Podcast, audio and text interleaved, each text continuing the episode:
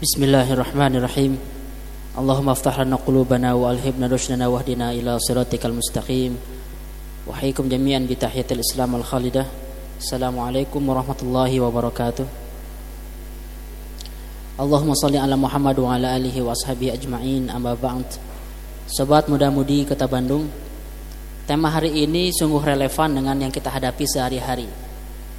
Di tahun-tahun politik, di tahun-tahun perjuangan, di tahun-tahun pertarungan gagasan baik skala lokal, nasional ataupun global, tema ahzab ini adalah sebuah inspirasi yang kita butuhkan.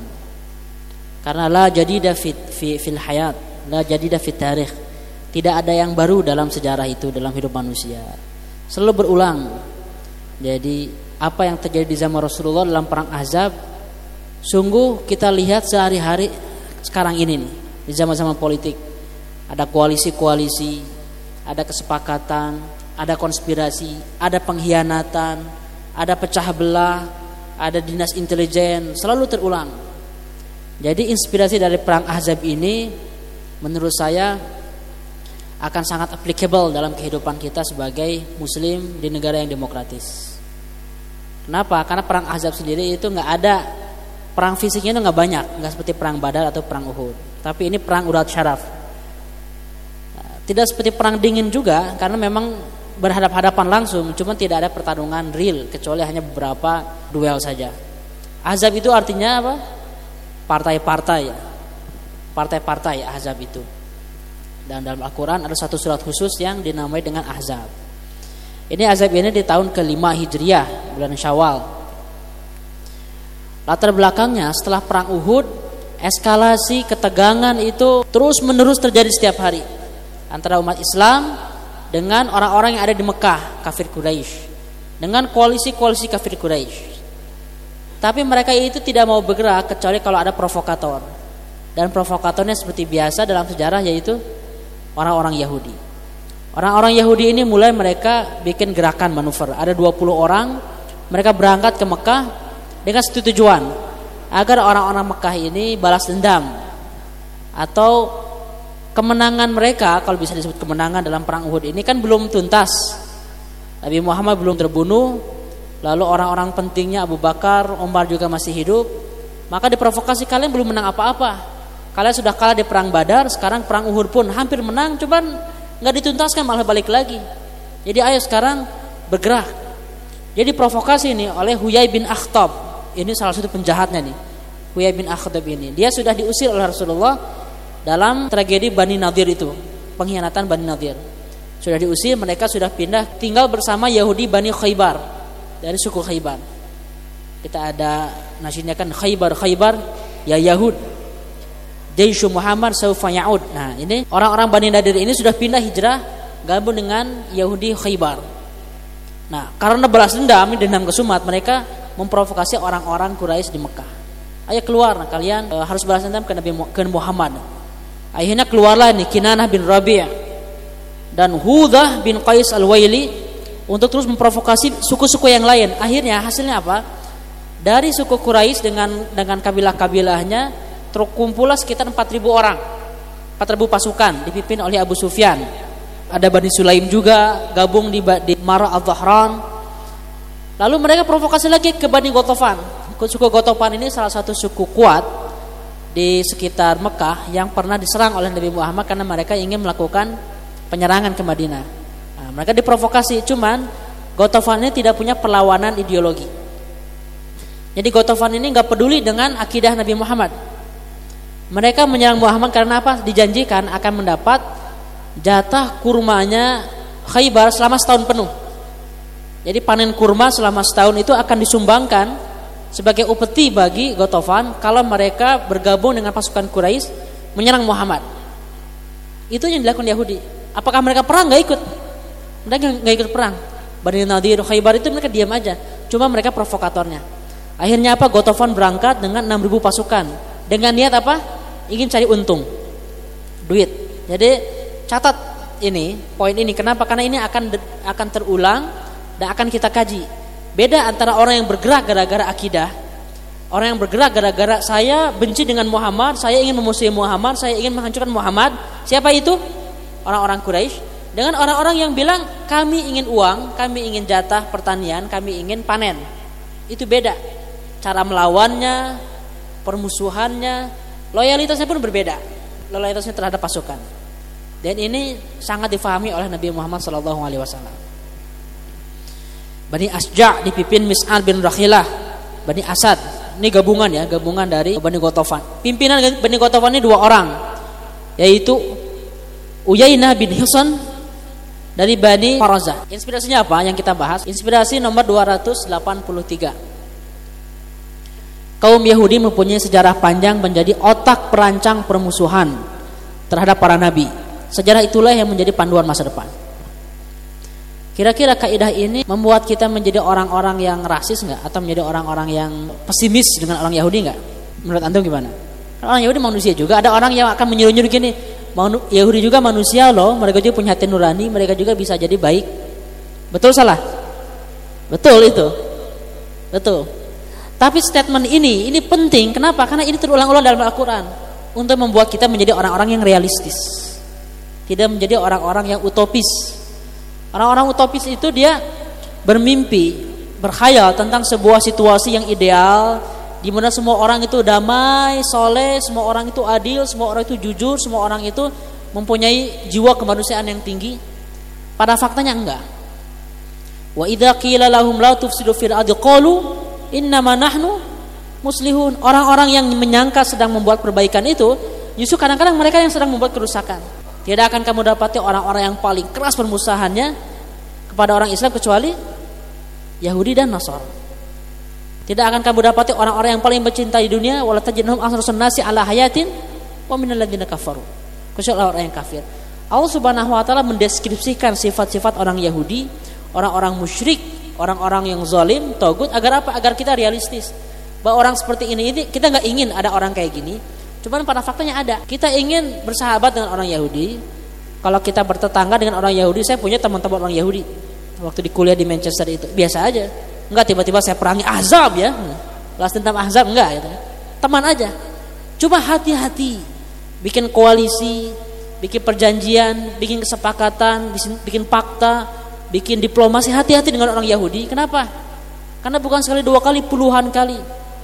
Nabi Musa dikhianati, Nabi Yusuf dikhianati, Nabi Isa dikhianati, Nabi Muhammad dikhianati. Seluruh nabi-nabi yang diturunkan kepada Bani Israel dihianati nggak ada yang nggak dihianati oleh orang-orang Yahudi. Artinya apa? Ini memberikan kita warning alarm. Hati-hati. Anda bersahabat ini tidak membuat kita jadi memusuhi Yahudi langsung enggak. Kalau Zionis jelas. Kalau kita punya tetangga misalnya anda tinggal di Eropa atau di di Barat. Berteman dengan orang Yahudi nggak apa-apa justru tunjukkan rahmat alamin Islam. Cuman hati-hati tetap hati-hati. Ketika bikin deal apa pun dengan orang Yahudi apalagi yang berhubungan dengan politik yang berhubungan dengan urusan publik hati-hati. Jangan sampai kita menjadi orang-orang yang terus jatuh ke lubang yang sama. Karena kenapa orang Yahudi sudah diberikan penjelasan Al-Quran berkali-kali tentang pengkhianatannya? Dan ini Bani Nadir berkhianat lalu Bani Qainuqa dan sekarang sebentar lagi akan berkhianat yaitu Bani Quraidah ini dalangnya orang Yahudi orang Yahudi mereka nggak perang mereka hanya menjadi provokator. Ketika pasukan Arab Quraisy itu sudah berangkat menuju Madinah, Madinah, Mekah Madinah itu 500 km kurang lebih. Kalau jalan kaki kira-kira berapa hari ya? Kalau jalan kaki sendirian, ya bisalah tiga minggu gitu. Dua minggu juga bisa. Naik kuda gitu kan, kurang dari dua minggu seminggu bisa. Tapi kalau dengan pasukan perang itu lama. Karena pasukan perang kan nanti di tengah jalan ada yang mau, eh sorry ke toilet dulu gitu. Ya. Jadi akan lambat, ada binatang ternak, ada perlengkapan, ada amunisi, jadi lambat. Nah, ketika perjalanan ini, ini memberikan Rasulullah waktu. Dengan syarat apa? Dengan syarat kita tahu langsung informasinya apa. Jadi begitu ada rapat langsung ada informan. Informasi datang, Rasulullah punya intel yang banyak, jaringan-jaringan spy. Jadi intel-intel Rasulullah langsung mengabarkan. Pakai kurir tercepat. Yes, sehari nyampe. Langsung ke Rasulullah Kabar itu tersebar di Madinah dan akhirnya rapat. Mulailah rapat militer. Di rapat militer itu semua sahabat-sahabat utama dilibatkan. Tidak seluruh rakyat Madinah, cuma orang-orang yang terpenting dilibatkan. Tapi apakah orang-orang yang punya gagasan ini enggak ditolak partisipasinya? Enggak. Apa yang kita kenal tentang Salman Al Farisi kira-kira? Apakah dia seorang sahabat seperti Umar bin Khattab? Seperti Umar? Seperti Abu Bakar? Atau orang-orang yang super elit kaya seperti Utsman bin Affan dan Abdurrahman bin Auf? Enggak. Beliau ini mantan budak dia orang Persia, kisahnya panjang ya, bukan waktu untuk diceritakan. Cuman singkatnya dia berangkat dari Persia bertahun-tahun mencari guru. Setiap ketemu ustadz, guru gurunya penjahat. Setiap ketemu ustadz, gurunya ini berkhianat atau gurunya pengen duit atau gurunya bejat atau gurunya palsu. Sering kayak gitu dia ditipu. Sampai suatu hari dia dapat guru orang ahli kitab yang mengetahui kitab, dia menyuruh di akhir hayatnya dia nanya, "Siapa lagi orang yang bijak yang bisa mengajari saya?" Dia bilang, "Ada seorang Nabi yang dilahirkan di Jazirah Arab. Kamu pergi ke sana. Cuma dalam perjalanan ke Arab ini dia diperdaya, diculik, dia dijadikan budak. Akhirnya dia menjadi budak dari kaum Yahudi di Madinah. Beberapa bulan atau beberapa tahun atau bulan sebelum e, perang Azab ini akhirnya dia dibebaskan. Kisahnya panjang, akhirnya dia jadi orang yang merdeka. Cuma dia mantan budak. Jadi posisinya rendah di masyarakat, nggak dianggap lah. Ini ada siapa? Ada orang asing. Coba kalau ada orang di sini ada orang Filipina misalnya datang atau orang Vietnam datang gitu kan kita lagi rapat pertemuan orang-orang penting di Bandung kita lagi mengurus urusan yang sangat strategis di Bandung ini ada orang ada orang Singapura I have opinion lah misalnya dia bilang ada orang Singapura. Nggak, akan diangkat sama kita. Orang asing siapa ente? Tapi itu tidak terjadi dalam masyarakat Rasulullah. Itu tidak terjadi dalam masyarakat Madinah. Itu tidak terjadi dalam majelis syura Rasul. Dalam majelis surah Rasulullah, siapa yang punya ide, yang punya gagasan, dia dipakai. Orang penting, orang biasa, orang kaya, orang miskin, pemimpin besar atau jelata, sahabat dekat atau orang yang baru datang, yang punya gagasan dia yang dipakai.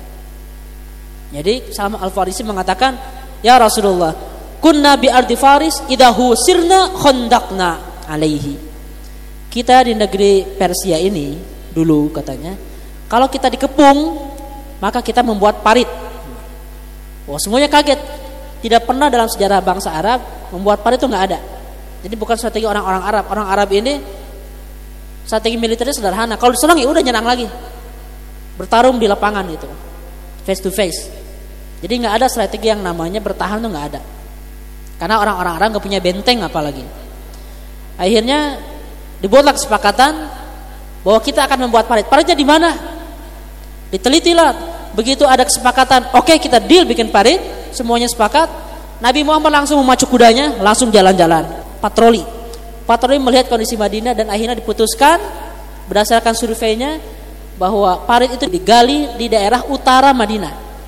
Di daerah selatan itu ada gunung-gunung, dataran tinggi.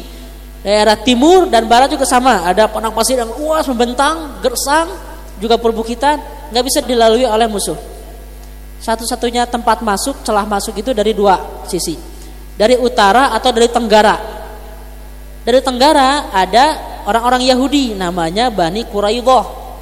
Bani Quraidah ini di antara tiga suku Yahudi yang sudah sepakat dengan Nabi Muhammad untuk damai. Sepakat damai, sepakat untuk bertarung bersama, loyal. Kalau ada musuh yang menyerang Madinah, siapa pun itu, mereka akan perang bersama-sama Muhammad untuk melawan musuh-musuh Madinah. Itu kesepakatannya dalam piagam Madinah berapa tahun yang lalu? Lima tahun yang lalu, ketika Rasulullah baru hijrah. Jadi Rasulullah merasa ya udahlah bagian tenggara ini ada orang-orang Yahudi Bani Quraidah yang mereka akan melindungi kita, melindungi punggung kita. Jadi satu-satunya tempat yang bisa dimasuki musuh dari utara. Maka dibikinlah parit, mulai parit. Tapi apakah bikin paritnya gampang? Ada yang pernah kerja bakti ngegali selokan gitu nggak? Citarum gitu. Ada yang pernah nggak coba? Ngegali ini deh kuburan kelinci, kuburan kucing gitu kan. Kalau binang piraan kalian mati gitu, digali. Berapa lama itu menggalinya? Nah ini nanti kita diskusikan ya. Inspirasi yang bisa kita ambil tentang syuro ini adalah tentang keputusan terbaik. Keputusan terbaiklah yang diambil oleh Rasulullah. Dari mana? Keputusan terbaik akan hadir saat semua sekat jabatan dan senioritas dijobrak. Dan jaring aspirasi dibuka lebar untuk publik tanpa harus mereduksi manajemen organisasi. Nanti ketika keputusan itu diambil, tetap aja ada rahasia, ada manajemen informasi, tidak semuanya harus tahu, titik-titik yang akan dijadikan pos nggak harus semuanya tahu. Itu ada manajemen. Cuman aspirasi itu harus dibuka lebar oleh semua orang. Agar setiap orang yang punya gagasan bisa masuk. Apalagi hari ini saudara-saudara. Hari ini revolusi informasi yang ditandai dengan zaman uploading dan downloading ini membuat setiap kita anak-anak muda apalagi yang melek teknologi itu menjadi user dan content maker kita sebagai pengguna, kita juga sebagai pelaku, pelaku informasi. Jadi yang membuat informasi itu bukan hanya media TV nasional, bukan hanya media massa, tapi setiap individu yang mempunyai akun Instagram, Facebook, Twitter, media sosial, bahkan mempunyai akun di Google aja, itu sudah bisa menjadi supplier, provider informasi. Jadi jangan bangga ketika Anda bikin, oh ada profil saya di Wikipedia, siapa pun bisa menulis di Wikipedia. Anda bisa nulis di Wikipedia, jadi kalau Anda bikin riset, based on Wikipedia, ah, risetnya bodong gitu. Nggak bisa dipakai. Kenapa? Karena nggak ada filter. Siapa pun bisa ngisi. Artinya apa? Arus informasi ini membuat sekat-sekat gagasan ini dinamis. Jadi orang-orang yang membuat sekat yang tinggi, yang keras, yang apa yang nggak bisa ditembus oleh orang-orang yang punya informasi, dia merugikan diri sendiri. Kenapa? Ini orang-orang yang dinamis punya gagasan. Ini barangkali kita berpikir siang malam strategi pemenangan Jawa Barat, pemenangan Bandung, pemenangan Indonesia, strategi ekonomi. Jangan-jangan ada anak-anak muda usianya baru 22 tahun, usia 18 tahun, dia baca artikel dari CEO sebuah konsultan politik Amerika, konsultan politik di Rusia, di mana-mana lah misalnya. Informasi ini ternyata relevan buat kita pakai. Kita nggak tahu, kita nggak baca. Kenapa? Saking sibuknya kita dengan rutinitas. Padahal kita pintar, konsultan politik. Kita ahli strategi, kita pakar pemenangan pemilu ternyata ada gagasan dari anak remaja, anak SMA atau anak kuliahan yang relevan. Nah, orang-orang yang membangun sekat terlalu banyak inilah orang-orang yang merugikan diri sendiri. Dalam organisasi, dalam forum-forum mahasiswa, komunitas, partai politik, jamaah, ormas Islam, mulailah rubah tradisi ini. Kenapa? Karena zaman berubah. Apa yang Anda tahu 20 bahkan 5 tahun yang lalu barangkali sudah usang. Salah satu kesetresan saya hari ini adalah ini buku nggak habis-habis. Saya punya ribuan buku di rumah. Udah punya planning, baca semuanya. Setiap ada informasi buku terbaru, saya beli buku terbaru tahun kemarin. Thank you for being late. Karangan Thomas Friedman sama Al Gore, The Future judulnya. Judulnya The Future, masa depan. Ketika saya baca buku itu, dalam proses baca buku itu, bahkan ketika buku itu beres, informasi-informasi baru, temuan-temuan baru membuat buku yang saya baca jadi usang. Dalam waktu hitungan minggu. Artinya apa? Kita harus membuka telinga lebar-lebar terhadap aspirasi, terhadap arus informasi. Dari mana? Ya dari anak-anak muda yang setiap hari mengakses informasi yang liar akses informasinya. Dan ini sudah diajarkan prinsipnya oleh Nabi Muhammad SAW. Walaupun sudah sepakat, implementasinya nggak gampang. Kenapa? Ini saya ambil dari film Umar. Itu parit. Timur baratnya gunung-gunung. Gunung-gunung kalau dipanjat oleh satu orang dua orang bisa. Cuman kalau dilalui oleh satu pasukan seribu orang dengan kuda dengan perlengkapan nggak bisa. Ini daerah utara Madinah. Pasukan Quraisy datang dari bawah ini. Khandaknya ini dalam catatan sejarah dalamnya 5 meter, lebarnya 5 sampai 12 meter. Tergantung belokannya ya. Ada yang lima, minimal 5 meter. Ada yang kadang 10 meter 12 meter. Jadi kalau 5 meter nggak akan bisa diloncatin kuda. Kalau 2 meter bukan parit itu. Selokan. 5 meter lebar 2 meter panjangnya berapa? Dari Jamika ke Soreang. Bayangkan Jamika Soreang. Nah itu panjang parit. Yang menggali 3000 orang. 3000 orang itu tidak semuanya gali. Ada yang jaga pos ada yang masak ada yang ngurus rumah sakit ada yang ngurus intelijen, ada yang ngurus perbatasan, ya kira-kira 2000 sampai 2500 orang yang ngegali. Saya tanya ke beberapa orang, anak-anak ini, anak-anak teknik, planologi, arsitektur, jurusan mekanik. Coba Anda yang tahu mekanik, yang tahu tentang tata kota, arsitektur, pembangunan, apa pun lah. Coba kalkulasi. Kira-kira ini kalau dikerjakan oleh 3000 orang, beres berapa hari? Kira-kira kalau kerja sehari itu 8 10 jam bisa nggak kerja 10 jam? Capek nggak? Udah sampai 10 jam. Kira-kira kalau 10 jam sehari 3000 orang tanpa peralatan modern dengan cangkul dengan peralatan sederhana dalam tanah yang tanah Bandung ya gini kan hidung gembur kan tongkat batu dan kayu jadi tanaman kata Kus Plus nah tanah jika gitu itu kira-kira bisa dua bulan selesai kalau menggali kalau tanahnya lembek hitam ini musim dingin musim dingin anda kalau pernah ke musim dingin di Timur Tengah walaupun di Eropa lebih parah cuma di Timur Tengah lumayan lah tahun pertama saya ke Mesir ini bulan November saya nyampe bulan November. Desember itu udah ujian, bahasa Arabnya belum ngerti lagi buku tebal-tebal, dosennya ngomongnya nggak difahami, dingin lagi. Di kamar nggak ada pemanas ruangan, nggak ada. Kalau mandi harus manasin air dulu itu kan, airnya dingin itu. Dingin luar biasa. Jaket tiga lapis. Nah ini jaketnya bukan tiga lapis ini, pakai kain sederhana di lapangan ini. Kan nggak mungkin pakai jaket tebal-tebal lagi kerja gitu. Dalam kondisi seperti itu, hanya 2.500 orang, peralatan sederhana, tanahnya bukan tanah lembang, tanah bebatu, batu-batu besar keras. Dan mereka selesaikan dalam waktu dua minggu. Jadi mereka harus kerja kurang lebih 16 jam sehari. Jam 6 pagi, kalau pada subuh mulai jam 6 pagi sampai jam berapa? Jam 10 malam kira-kira. Seperti itu perjuangan para sahabat sehingga ini proyek yang mustahil. Ini ilustrasi di Salah satu museum ya di Saudi. Dalam itu. Bukan gali kuburan, 5 meter ke bawahnya. Artinya apa? Ini bukan usaha manusia saja. Proyek-proyek mustahil umat adalah realitas sejarah. Ini kayak mustahil, kayak cerita dongeng memang Hondak ini. Jadi bukan hanya Muhammad Al-Fatih yang seperti dongeng ini sama juga seperti dongeng. Coba Anda lihat, orang-orang yang tahu tentang eh, teknik bangunan pasti bakal ngerti betapa dahsyatnya Honda itu. Proyek-proyek mustahil umat adalah realitas sejarah yang kita baca hari ini. Ini fakta. Karena di balik setiap kemustahilan ada kerja keras para pahlawan dan sentuhan akhir Tuhan. Nah ini nih, sentuhan akhir Tuhan ini yang menentukan. Allah Subhanahu wa taala yang memberikan barokah. Al barakatu hiya ziyadatul khair. Berkah itu artinya bertambahnya kebaikan. Anda mencangkul sekali tapi efeknya tiga cangkulan.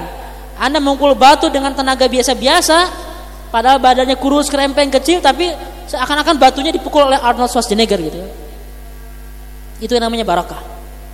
Jadi multiply efek yang diberikan oleh Allah atas usaha kita yang maksimum. Kalau belum maksimum belum ada barakah. Kalau sudah maksimum secara kalkulasi matematis ini nggak mungkin. Nah, Allah memberi barakah, sentuhan akhir dari Allah Subhanahu wa taala. Dan dalam Ahzab ini banyak sekali barakah yang Allah turunkan. Nah, gimana prosesnya nih? Proses membangunnya ini juga saya membayangkan di zaman dulu ketika kita bergabung, andaikan kita bergabung, gitu ya. Sangat asyik sekali dalam proses pembangunan penggalian hendak ini. Kenapa? Pertama, perempuan diamankan dulu. Perempuan dan anak diamankan di Bani Harithah. Agar apa? Agar kita nggak kepikiran yang laki-laki. Gimana istrinya udah masak belum? Nanti gimana? Korma udah siap petik belum? Mbe-nya udah udah sembelih belum? Siapa yang akan memberikan mereka minum makan? Banyak pikiran. Nah, ini selesaikan dulu perempuan, laki-laki, eh dan anak-anak. Lalu yang kedua semangat. Semangat dibangun. Semangat dibangun itu dengan apa? Dengan membangun kegembiraan. Apakah Rasulullah bernasyid? Nasyid juga Rasulullah. Misalnya ini beberapa senandung yang dibaca oleh Rasulullah. Allahumma innal aisha aishul akhirah. Fakfilil ansari wal muhajirah. Dan kata para riwayat, Rasulullah ketika membacakan syair-syair itu di akhirnya itu dipanjangkan akhirah gitulah kira-kira ya dipanjangkan aja bersenandung Rasulullah agar apa agar membuat hati kita gembira jiwa tetap gembira jangan sampai masalah stres krisis apa pun membuat kita panik membuat kita sedih jangan ada yang menyentuh kegembiraan dalam jiwa kita kita harus mempunyai bunker bunker kegembiraan di dalam jiwa sehingga masalah apa pun tetap kita slow santai tetap kita gembira senyum berikutnya model masyarakat pekerja keras kayak ginilah masyarakat yang semuanya turun. Jadi bukan hanya Rasulullah dan beberapa sahabat, semuanya muhajirin, ansar, aus, khazraj, semuanya turun. Selain yang ditugaskan di pos-pos lain, semuanya menggali. Lalu sabar tanpa batas. Dan ini lagi musim pacaklik, makanan sedikit, kelaparan. Mereka bilang, kita ini saking kelaparannya, kita makan apa yang ada. Minyak sudah kadaluarsa, minyak yang suka digoreng oleh tahu Sumedang itu kan udah hitam gitu kan kayak oli itu dipakai minyak kayak gitu e, roti-roti yang sudah kada luarsa Itu dimakan. Saking nggak ada lagi. Dan mereka bilang, kami menahan kelaparan kami dengan menyimpan batu di perut diikatkan agar lapar nggak terlalu kerasa. Dan Rasulullah mengikat dua batu. Lebih lapar Rasulullah dibanding yang lain. Berikutnya ada kisah-kisah ithar. Ithar itu apa? Mementingkan orang lain dibanding diri sendiri ketika kita butuh. Kalau kita nggak butuh, mementingkan orang lain itu bukan ithar. Ithar itu kalau kita lagi butuh banget, lalu lagi butuh banget kasih ke orang lain itu ithar namanya. Ada kisah Tolha bin Abi Tolha orang Ansar.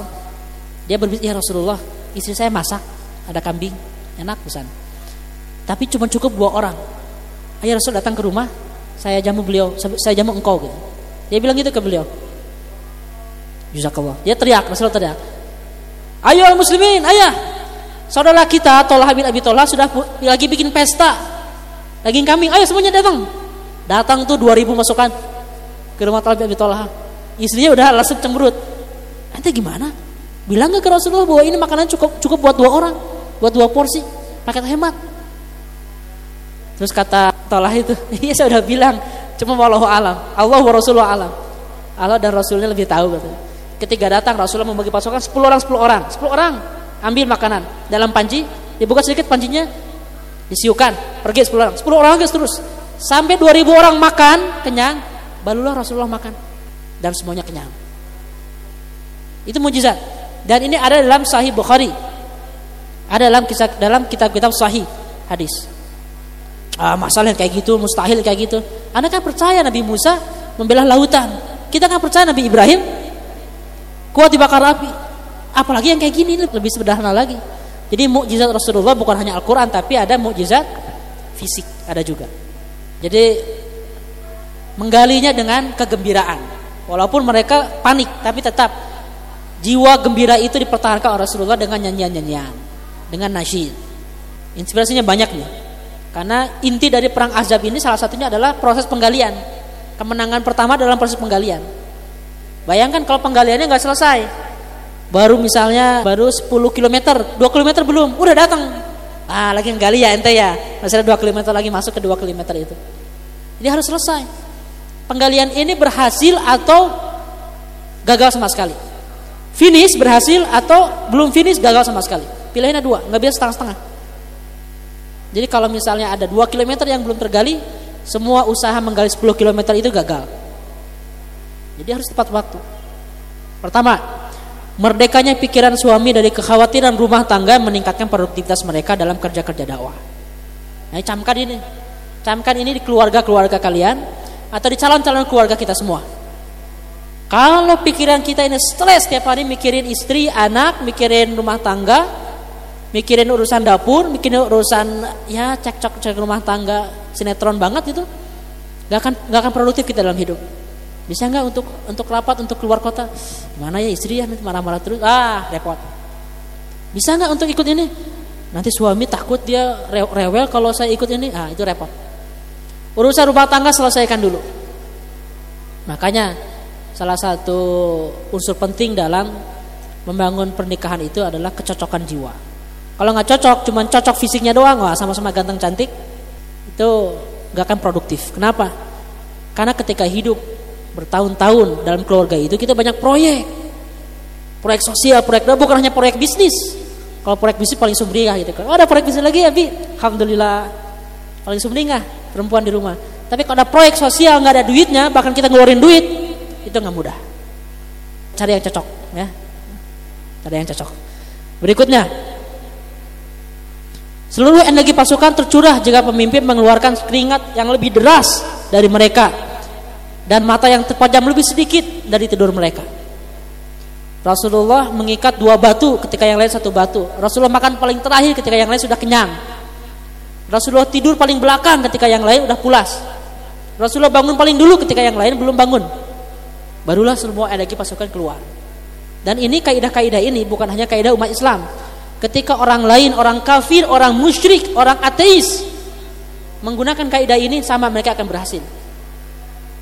Dulu misalnya salah satu kunci rakyat Inggris itu bergelora ketika perang salib itu karena rajanya namanya salah satu raja namanya Richard the Lionheart itu paling depan terus. Jadi kalau ada panah-panah Sebelum kena pasukan kena kerajanya dulu. Dia paling depan. Makanya orang-orang berangkat berani. Napoleon dulu ketika Napoleon pulang dari pengasingan dari Pulau Elba, ketika dia datang, pasukan yang loyalnya di belakang, dia bilang diam diam diam. Kamu jangan ini. Pasukan musuh di depan. Mantan tentaranya yang sudah dikuasai oleh lawan politiknya. Dia datang seorang diri di hadapan semua bedil dan juga meriang. Dengan kayak gitu keberanian orang jadi tumbuh semua. Semuanya orangnya jadi loyal ke Napoleon lagi. Jadi kaidah ini kaidah yang bisa diterapkan oleh siapa pun. Kalau orang lain menggunakan kaidah ini mereka akan sukses. Dalam organisasi sama. Kita harus turun tangan. Beres-beres kita beres-beres. Merapikan kantor kita merapikan kantor. Rapat kita ikut rapat. Kita begadang kita ikut begadang. Mereka bikin laporan kita ikut sibuk bikin laporan. Jadi kita merasakan susahnya orang-orang yang dalam tim kita. Baru mereka akan giat kerja dalam organisasi. Sama pemimpin juga. Gitulah kurang lebih ya. Pemimpin negara juga kayak gitu. Kalau enggak nanti kan rakyat jadi pengen ganti presiden. Berikutnya. Inspirasi 287. Musik. Nah, tentang musik ini kontroversi ini. Musik halal haram, balik lagi temanya itu. Ini bukan tema kita. Saya ingin menyimpulkan dengan kalimat yang sederhana.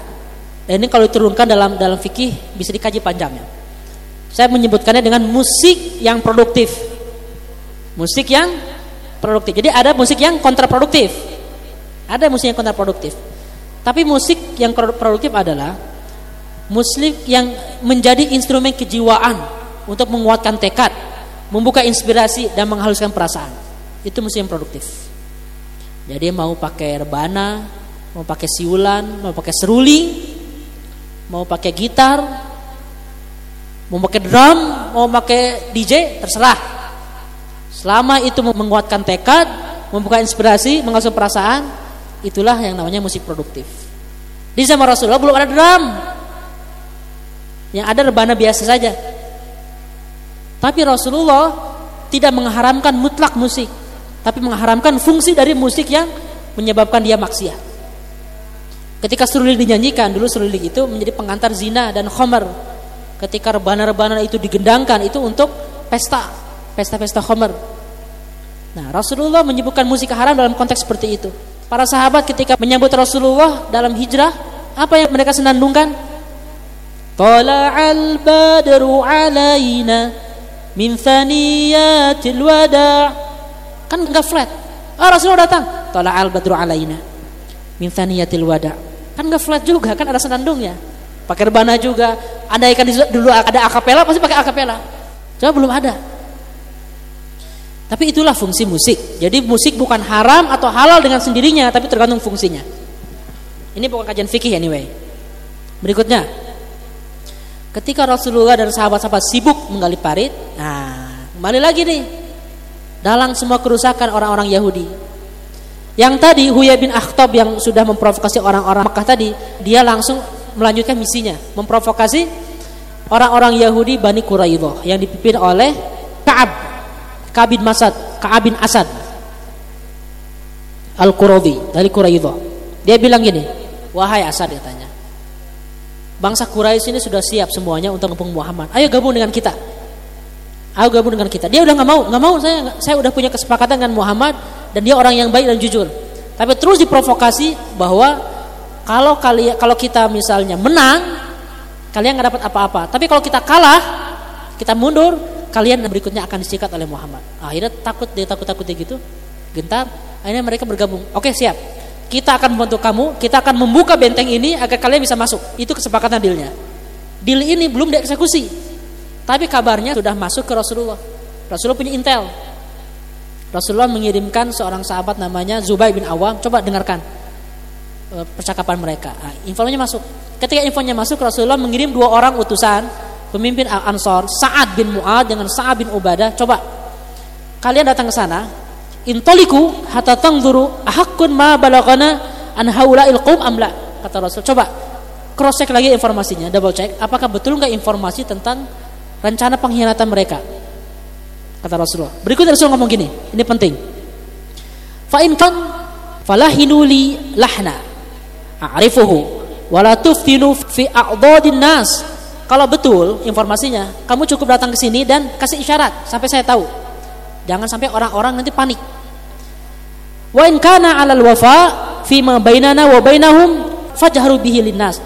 Andaikan mereka ini tetap sepakat dengan janji kita, maka umumkanlah kepada, kepada semua orang agar semangat semakin ter, eh, terbakar. Itu kata Rasul. Ini strategi. Kalau ada berita buruk ini jangan langsung disebarkan. Dia, dia simpan dulu. Biar kita aja yang tahu. Biar beban itu dipikul oleh pemimpin seorang diri, jangan oleh umat. Umat tahu yang enak-enak aja, yang yang fun-fun aja. Kenapa? Untuk menjaga ritme semangat. Setelah itu Rasulullah SAW ketika mendengar kabar duanya diangkat dia dikirim pas balik lagi dia ngasih isyarat berarti benar berkhianat Rasulullah langsung sedih dia berbaring mukanya ditutup oleh cadar oleh sorban baring beberapa saat dia mikir sedih gitu kan ya Allah ini dikhianati lagi orang Yahudi nggak habis pikir kita orang Yahudi setelah itu muncullah wahyu keterangan bahwa beliau akan dimenangkan Allah bangkit lagi setelah bangkit langsung berorasi dan menyenandungkan syair lagi syairnya misalnya Allahumma laulallah mahtadaina wala saddaqna wala sallaina dan sampai akhir. Di setiap setiap syair itu Rasulullah mengajak para sahabat untuk tetap bersemangat.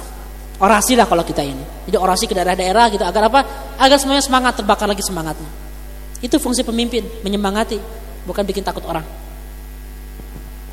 Berikutnya ada kejadian ketika ada satu batu besar nggak bisa dipecahkan. Ini kisah ini ma'ruf. Para sahabat udah nyerah semuanya. Bahkan yang yang paling gede badannya Umar bin Khattab nyerah. Batunya gede. Ngadu ke Rasulullah, Rasulullah langsung turun. Dengan kapaknya dipukulkan tiga kali. Di setiap pukulan itu ada percikan api. Setiap percikan api itu Rasulullah mengatakan Allahu Akbar. Waqtitu mafatih Syam. Wallahi inni la anzuru kusurahal hamra as-sa'ah. Allahu Akbar. Aku sudah diberikan kunci-kunci Syam kata Rasulullah. Demi Allah, aku sudah bisa melihat istana merahnya saat ini kata Rasulullah. Dipukul lagi, ada percakapan lagi Rasulullah bilang Allahu Akbar. Waktu itu Faris, aku sudah diberikan Persia. Wallahi, ini la ubsidu qasrul madainil abyad al-an. Aku sudah diberikan visi akan menguasai istana Madain yang putih. Dan yang ketiga, aku diberikan visi akan menguasai Yaman. Artinya apa? umat Islam akan menguasai seluruh dunia ini di jazirah Arab minimal di zaman Rasulullah. Artinya umat Islam tidak akan hancur di perang Azab, artinya umat Islam akan menang dan pasukan Quraisy akan kalah semuanya. Itu visi. Caranya gimana nggak tahu. Caranya belum tahu. Itulah yang dibutuhkan oleh kepemimpinan umat hari ini. Orang yang bisa mengarahkan visi masa depan, orang yang bisa mengarahkan arah yang sangat jauh ke depan. Itu yang dibutuhkan oleh umat Islam. Caranya gimana? Masih panjang caranya. Bagaimana terjemahannya? Santai saja terjemahannya. Kita akan elaborasi terjemahan-terjemahan dari visi itu. Yang penting seorang pemimpin bertanggung jawab agar apa? Agar umat Islamnya itu bersemangat, mempunyai mimpi, tidak tergerus oleh rutinitas dan stres dan juga masalah-masalah sehari-hari yang membuat kita pesimis setiap hari. Utang bangsa gimana? Kita akan dijual, kita akan terpecah, disintegrasi bangsa, ekonomi dikuasai asing. Memang itu faktanya, tapi pemimpin sejati orang yang bisa memikirkan masa depan, arah masa depan, arah Indonesia masa depan agar kita semangat semuanya. Itu fungsi kepemimpinan dan itulah yang dilakukan oleh Nabi Muhammad SAW. Inspirasinya apa? Ritme semangat uang pasukan akan terjaga saat pemimpin terlihat yakin bisa melampaui krisis dan pasukan juga yakin akan kapasitas pemimpin. Yang akan menentukan keyakinan itu adalah kemampuan orasi, kemampuan retorika, kemampuan narasi, public speaking itu mutlak diperlukan oleh generasi muda. Makanya Nabi Muhammad sejak kecil Allah siapkan untuk tinggal dan tumbuh di sebuah kampung terpencil yang bahasanya masih fasih di Bani Sa'diyah. Kenapa? Itu menguatkan kemampuan narasi, kemampuan bahasa Rasulullah Sallallahu Alaihi Wasallam. Sehingga ketika dewasa, setiap kalimatnya ini berpengaruh bagi orang lain. Nah kita perlu melatih itu. Di kalimat itu pendek, masuk ke hati, menggetarkan jiwa kita nggak usah panjang-panjang. Berikutnya, manajemen krisis Rasulullah. Ketika tahu ini ada ada peluang pengkhianatan, langsung Rasulullah mengutus e, pasukan dipimpin oleh Salah Salama bin Aslam 200 orang, juga Zaid bin Haritha 300 orang, langsung menghadang manuver mereka. Dan ketika di perjalanan betul feeling Rasulullah, langsung harus berburu dihadang. Ketika mereka datang ke Bani Quraidah itu, di tengah perjalanan mereka menemukan kafilah berisi 20 unta, isinya perlengkapan-perlengkapan makanan dan juga perlengkapan-perlengkapan e, musim dingin untuk orang-orang Quraisy. Dicegat, langsung mereka di, diancam, ayo pulang lagi mereka kamu ke benteng kalian. Ini harta harta ini menjadi rampasan perang karena kalian berkhianat. Pulang lagi. Akhirnya nggak jadi mereka. Jadi mereka masih ragu ingin membantu orang Quraisy. Cuma mereka sudah punya niat. Sudah punya niat untuk berkhianat. Inilah manajemen Kristus Rasulullah. Sebelum ini terjadi, langsung buru-buru dieksekusi. Ada sebuah pepatah dari para raja besar zaman dulu. Ketika ada peluang pemberontakan, si raja itu khalifah kalau nggak salah khalifah al-Ma'mun atau al-Amin. Dia menulis sebuah surat namanya tauqiat. Jadi surat-surat keputusan raja untuk mengatasi masalah-masalah besar dalam kalimat yang sangat singkat tapi berisi strategi besar itu dalam ilmu balaghah, ilmu adab disebut tauqi'at. Kalimat satu kalimat. Wahai wahai khalifah, ada peluang pemberontakan di sebuah daerah. Kita harus ngapain? Suratnya dibalik, di belakangnya ditulis satu kalimat. Itulah tauqi'at. Dawi jurhaka la. Obati lukamu jangan sampai melebar. Coba, apa maknanya? Itu makna sastra itu. Kalau ada luka kecil, dibiarin, diantepkan, jadi melebar. Melebar sampai busuk sampai diamputasi. Bisa sampai mati bahkan. Kalau ada luka kecil buru-buru obati. Jangan sampai melebar. Kalau ada peluang pemberontakan kecil, buru-buru eksekusi mereka ini. Buru-buru cari siapa otaknya, eksekusi. Kalau perlu bunuh. Itu dalam masa perang, bukan hari ini. Tapi bahkan hari ini sama. Hari ini kalau ada provokator, provokator yang mengancam NKRI, apa yang dilakukan? Di penjara minimal sebagai pengkhianat. Bisa dihukum mati ketika dia bikin gerakan. Di beberapa di beberapa negara lain ada. Ketika ini ada peluang pengkhianatan, treason, high treason, nah otaknya diciduk, dihukum mati. Kenapa? Sebelum dia melebar. Sama di Indonesia juga. Kalau ada orang-orang di negeri ini, siapa pun itu, dengan manuver-manuvernya membahayakan negeri ini, provokator. Nah, yang kayak gini perlu diringkus nih. Kalau dia bikin statement di Twitter, di medsos, nah, screenshot, sebarkan. Agar apa? Agar orang nyadar nih bahaya orang kayak gini. Bahaya. Itulah strategi Rasulullah. Obati luka kecil pengkhianatan sebelum ia melebar, menjangkiti masyarakat dan meruntuhkan peradaban. Berikutnya, ketika pasukan Quraisy datang, kaget. Mereka berkuda kencang. Ketika sampai ke Madinah, ah, ternyata ada parit mereka nggak bisa ngapa-ngapain. Mereka diam, bingung kenapa? Mereka tidak siap-siap dengan perlengkapan untuk mengepung selama berhari-hari, berminggu-minggu, berbulan-bulan nggak siap. Tapi mereka nggak ada pilihan, harus ngapain? Harusnya nunggu, nunggu mikir strategi. Akhirnya saling pelong-pelong, apa apa pelong-pelong, saling menatap, saling menatap dari jarak jauh dan saling lempar panah, saling lempar panah. Kenapa? Karena kalau loncat kuda, kudanya terperosok jatuh. Kalau jatuh, dipanahin oleh orang-orang Islam, mati. Atau kalau mencoba ke bawah, can naik guys maut. Baru juga turun gitu kan udah dilempari panah. Jadi nggak ada harapan harus nunggu. Nah inilah yang disebut perang urat sarat. Tapi perang urat sarat inilah yang justru menegangkan. Surat al-ahzab yang tadi dibacakan oleh saudara kita itu menjelaskan banyak hal tentang situasi kejiwaan dalam perang ahzab. Misalnya dalam ayat 10 irja irja'ukum min fawqikum wa min asfala minkum wa idzaqatil absar wa balagatil qulub al hanajira dhununa. Ketika musuh-musuh itu datang min fauqikum dari atas, dari bawah, ada yang menyelinap dari bawah. Dan juga mata kalian terbelalak. Lalu hati-hati kalian pun bergetar dan kalian mulai seuzon kepada Allah. Kalian mulai berprasangka dengan prasangka yang macam-macam. Jangan-jangan Allah sudah meninggalkan kita. Jangan-jangan kita akan dihancurkan. Jangan-jangan kita akan dikalahkan. Jangan-jangan kita akan dibantai. Andaikan kaum Quraisy berhasil memasuki Madinah, benar itu akan dibantai. Karena tujuannya bukan untuk menang perang, tapi untuk menghabiskan seluruh umat Islam sampai ke akar-akarnya. 10 ribu orang melawan berapa orang? 3 ribu orang. 3 ribu orang di Khandak, sisanya perempuan dan anak-anak. Ini udah gak punya cadangan, all out itu. Nah, mereka udah panik. Berikutnya ayat 11. Hunalika ubtiyal ubtuliyal mu'minuna wa zulzilu zilzalan syadida. Pada hari itulah umat Islam diuji benar-benar dan jiwanya digoncangkan segoncang-goncangnya. Ini nih perang urat saraf ini stres.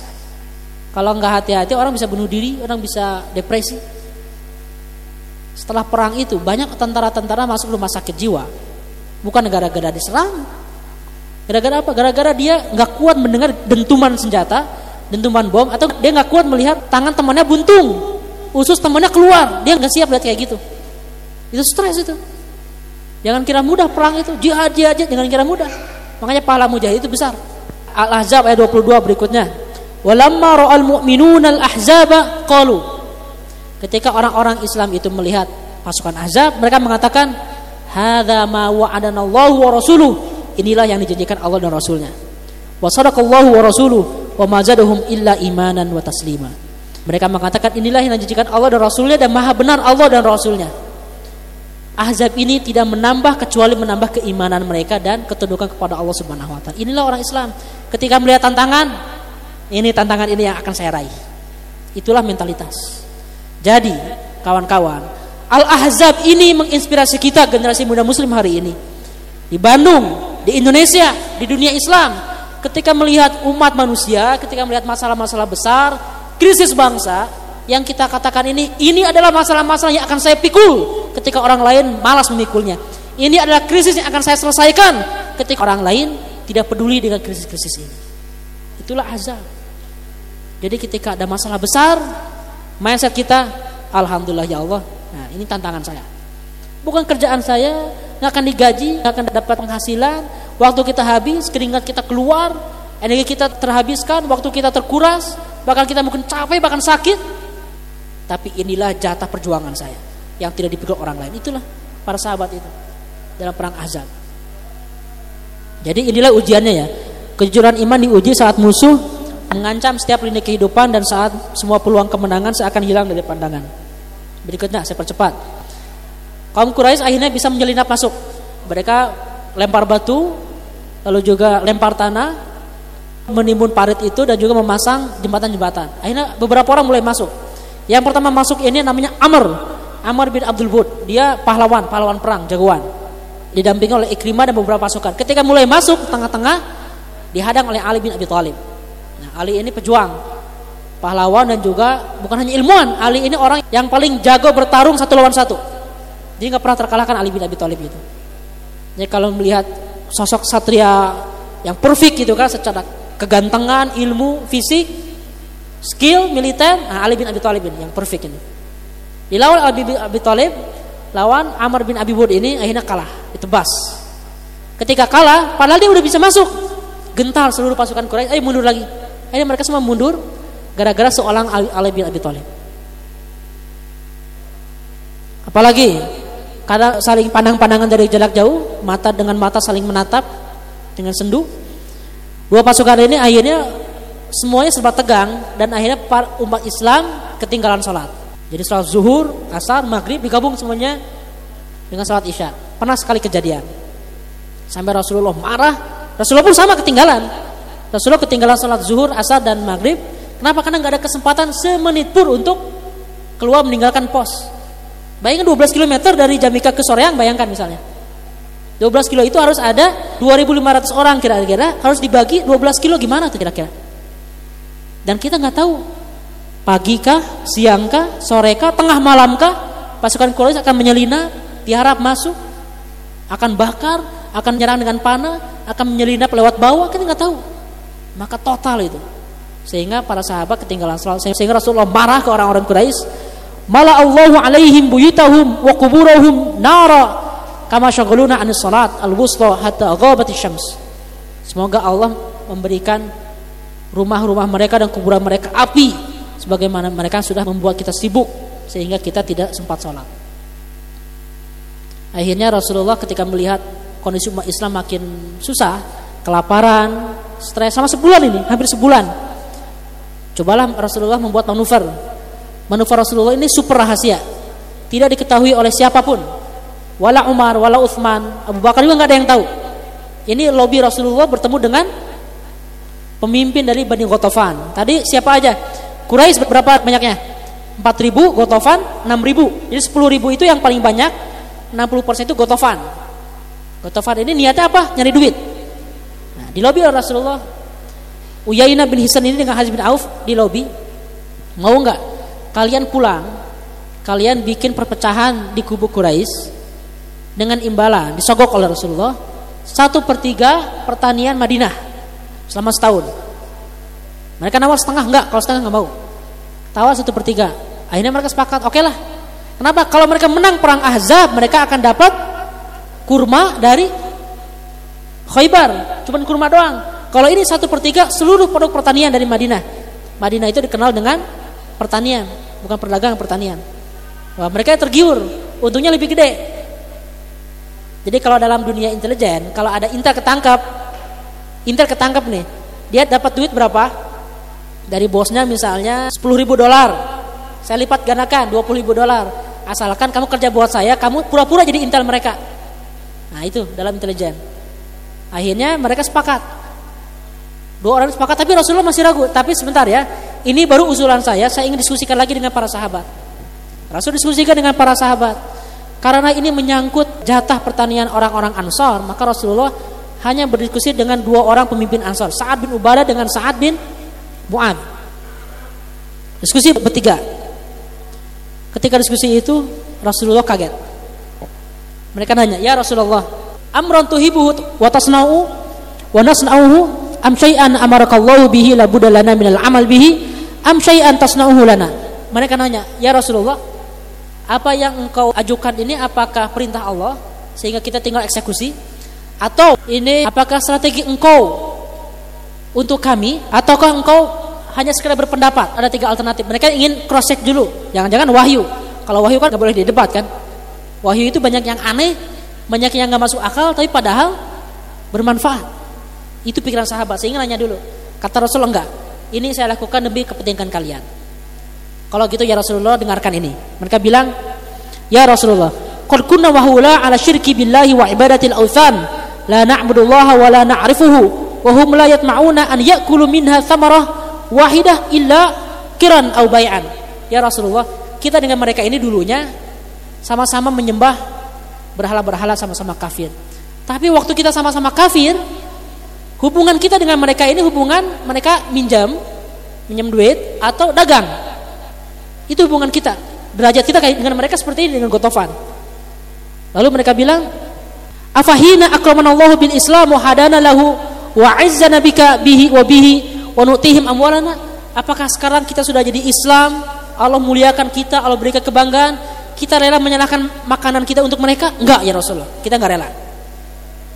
Kata Rasulullah, nah ini yang saya mau katanya. Antaudah, ini yang saya mau. Kenapa? Rasulullah pikirin apa? Ini saya lakukan buat kalian, kalian kasihan. Kalian diintimidasi, kalian kelaparan. Saya ingin memberikan beberapa keringanan agar agar mereka kalah, tapi kita kompensasi dengan uang. Ini buat kalian sendiri. Kata mereka, enggak, kita enggak butuh ya Rasul dengan seperti itu. Terima kasih atas perhatiannya, kita siap untuk berjuang. Kata Rasulullah makin gembira. Nah, ini yang saya inginkan. Kalau kalian siap, ayo kita lanjutkan. Akhirnya ditolak mentah-mentah, kesepakatan itu gagal. Dan akhirnya diteruskan perang urat saraf. Tapi motifnya yang kita pelajari adalah tentang rahmat Rasulullah. Ketegasan Rasul selalu bersanding dengan rahmat kepada umatnya sehingga setiap keputusan politik selalu bermotif people oriented. Hikmah lainnya, koalisi strategi sangat dibutuhkan untuk kemenangan perang walaupun dengan non muslim untuk menghadapi ancaman musuh yang lebih besar. Jadi boleh nggak koalisi dengan non muslim? Boleh? Boleh, khususnya dalam perang. Bahkan dalam politik pun boleh. Kalau apa? Kalau ada musuh yang jauh lebih besar. Kalau ada nih misalnya orang Kristen dengan orang ateis, secara ideologi mana yang lebih dekat? Eh, Yahudi dengan ateis mana yang lebih dekat? Yahudi. Yahudi dengan Kristen mana yang lebih dekat? Kristen. Kristen dengan Muslim yang bid'ah mana yang lebih dekat? Ada Muslim yang bid'ah, Syiah misalnya. Syiah Ismailiyah. Syiah Isna Asyariah. Bisa nggak koalisi dengan mereka? Bisa. Untuk menghadapi musuh yang lebih besar. Jadi gitu. Harus tahu cara mengelola lapisan-lapisan kepentingan. Dan Rasulullah sangat paham hal itu. Berikutnya, salah satu skill berpikir yang diperlukan dakwah di dunia politik adalah kemampuan memilah lapisan-lapisan kepentingan. Baik kawan, kompetitor maupun lawan. Jangan semuanya satu keranjang. Oh ini semua yang di luar kita itu lawan semua enggak. Barangkali koalisi. Kita punya hashtag apa pun hashtagnya ini butuh butuh kawan koalisi butuh rekan butuh sekutu Jadi harus pintar memilih kepentingan. Jangan sampai nih ciri orang yang salah memilih kepentingan, memilih kepentingan. Ini ada saudara-saudara muslim, satu perjuangan, satu semangat, dimusuhi. Kita suuzon. Kita larang mereka ikut kegiatan, kita larang mereka bergerak. Kita anggap mereka pengkhianat. Itu yang salah. Gagal memilah lapisan-lapisan kepentingan. Kita Berikutnya, Inspirasi 294. Sahabat-sahabat Rasul adalah generasi yang berpikiran besar dan mempunyai pikiran antisipatif masa depan akan semua ancaman kemunduran izah umat. Sa'ad bin Mu'adh dengan Sa'ad bin Ubadah ini mikir. Andaikan Rasulullah sepakat untuk memberikan jatah pertanian sepertiga ke Bani Gotofan, apa yang akan terjadi kira-kira? Setiap kabilah yang ingin, yang ingin dapat jatah pertanian mereka akan pura-pura menyerang Madinah, mengepung, nanti dapat jatah upeti. Akan terus seperti itu akan terulangi. Dan itu akan menggerus izah umat Islam, akan membuat orang-orang kafir semakin berani. Yang poin ini luput dalam perhatian Rasulullah. Itulah pentingnya musyawarah. Itulah pentingnya rapat.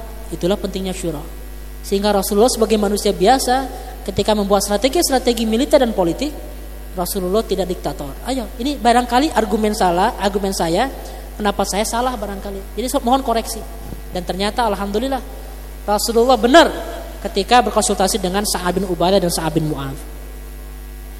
Berikutnya, ketika proses itu juga proses sebulan ini ada manajemen pasukan. Rasulullah membuat rumah sakit. Ini rumah sakit pertama dalam sejarah umat Islam. Jadi para perempuan digerakkan untuk membuat tenda-tenda mengobati para sahabat yang sakit. Sebetulnya nggak banyak korban. Korban dari umat Islam ini sekitar tiga tempat orang. Cuman salah satunya yang menjadi korban adalah Sa'ad bin Mu'adh, pemimpin kaum Aus. Yang tadi berdiplomasi, yang tadi rapat dengan Rasulullah. Dia terpanah dari jarak jauh, terpanah ke arterinya, langsung ke arterinya sehingga ketika panah dicabut, darah itu memancar, muncrat. Sehingga dalam beberapa hari beliau sekarat.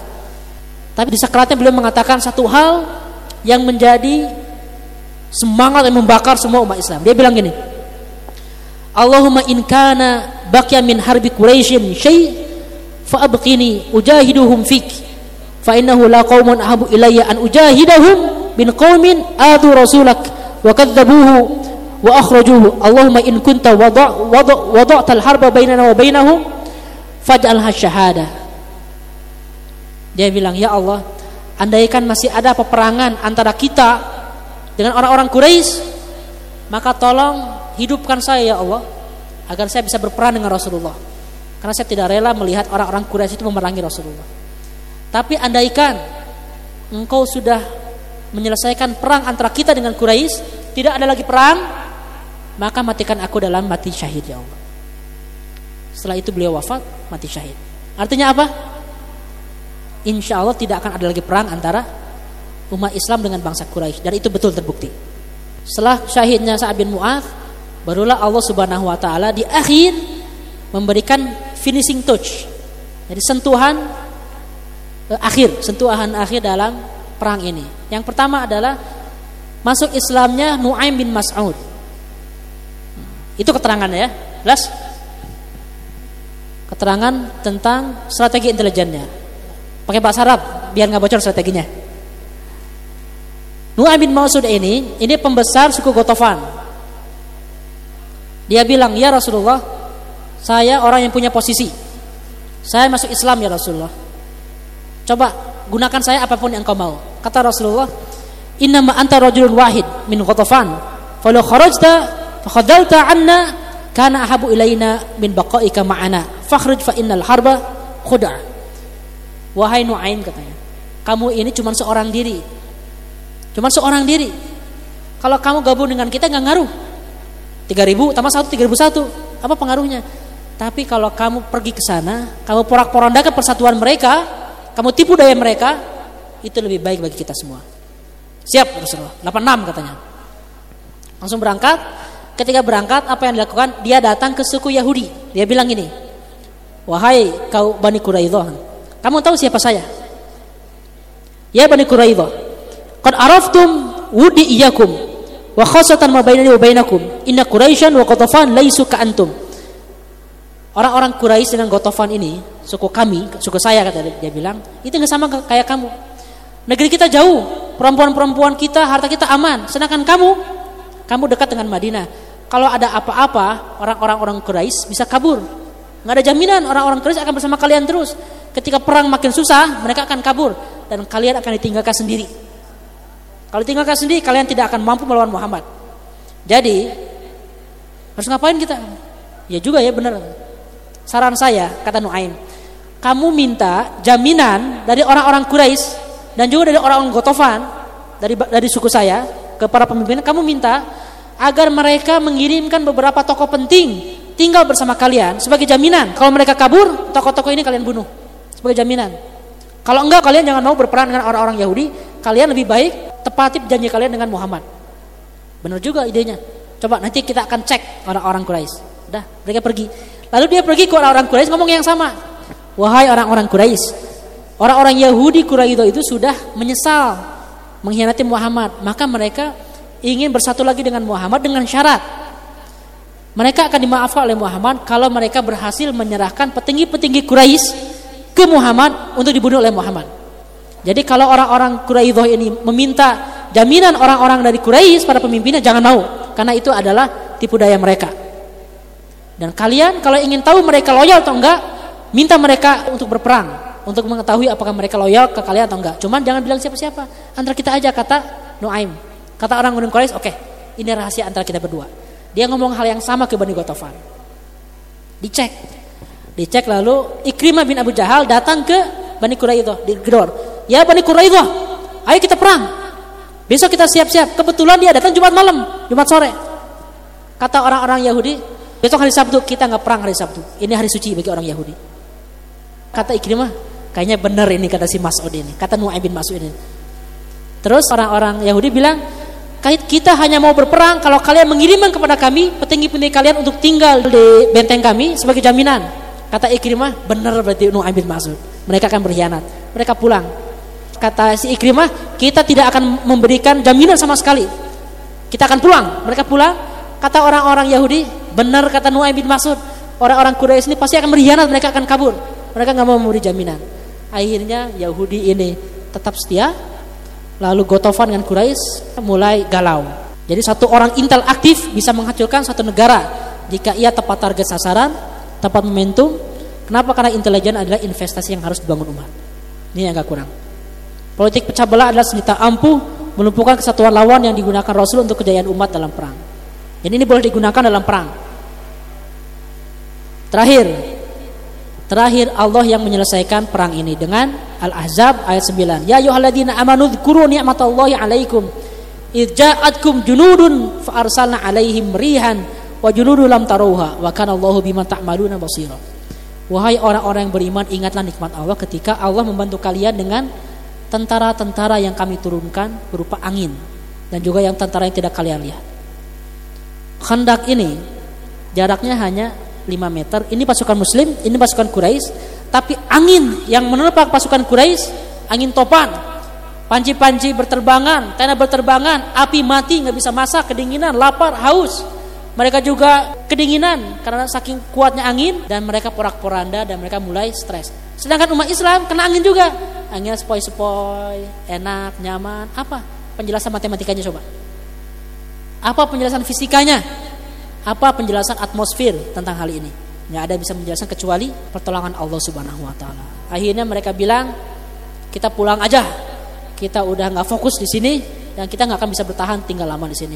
Famli fa ana fa'il kata Abu Sufyan. Ayo pulang semuanya, farji'u fa ana fa'il. Saya akan pulang. Ketika Abu Sufyan ngomong gitu, ada nggak perlawanan? Tidak, kita akan tetap maju. Enggak. Pulang, alhamdulillah, kita pulang semua. Enggak, yang bilang alhamdulillah, sorry. Mereka semuanya senang, Kenapa? Karena pemimpinnya minta pulang. Artinya apa? Semuanya memang nggak mau perang. Semuanya udah pengen pulang. Nggak ada perlawanan dan nggak ada heroisme. Kemenangan adalah hak Allah yang akan turun di penghujung usaha, kekhawatiran, ketakutan, dan kepanikan manusia. Jadi kalau kita belum usaha, belum khawatir, belum panik, belum takut, belum turun pertolongan Allah Subhanahu wa taala. Nanti ketika kita sudah benar-benar mengatakan mata nasrullah, kapan pertolongan Allah? Kita udah berusaha barulah datang pertolongan Allah itu dan akhirnya umat Islam menang. Mereka pulang Rasulullah mengecek, coba cek lagi apakah mereka benar-benar pulang atau strategi aja. Karena dulu pasukan Troy juga kalah gara-gara nyangkanya orang-orang Yunani sudah pulang, padahal mereka cuma ngumpet, mereka memasukkan kuda, akhirnya masuk ke benteng Troya. Nah, dan jangan sampai terulangi. Ketika dicek oleh Huzaifah bin Yaman, ternyata mereka benar-benar pulang. Saat itulah Rasulullah mengatakan satu kalimat yang menjadi pembuktian doanya Sa'ad bin Mu'ad sebelum syahid. Beliau mengatakan, Al-ana naghzuhum wa la yaghzunana. Nahnu nasiru ilaihin. Sekarang kita akan serang mereka dan mereka tidak akan pernah lagi menyerang kita. Kita akan berangkat menuju mereka. Inilah perang Ahzab. Perang Ahzab adalah titik awal fase baru dari pertahanan menuju ekspansi. Insya Allah pekan depan kita akan membahas tentang pasca perang Ahzab, manajemen negara. Karena kan nggak hanya perang di zaman Rasulullah, membangun pendidikan, membangun sekolah, sekolah yang informal, membangun umat, membangun akhlak, membangun keluarga, bidang sosial, di bidang kesehatan, semua dibangun. Bagaimana Rasulullah membangun kehidupan di Madinah? Insya Allah kita akan bahas pekan depan dalam kajian inspirasi Nabi sesi 28. Wallahu a'lam bishawab. Aku qouli hada. Wastaghfirullah wa lakum. Assalamualaikum warahmatullahi wabarakatuh.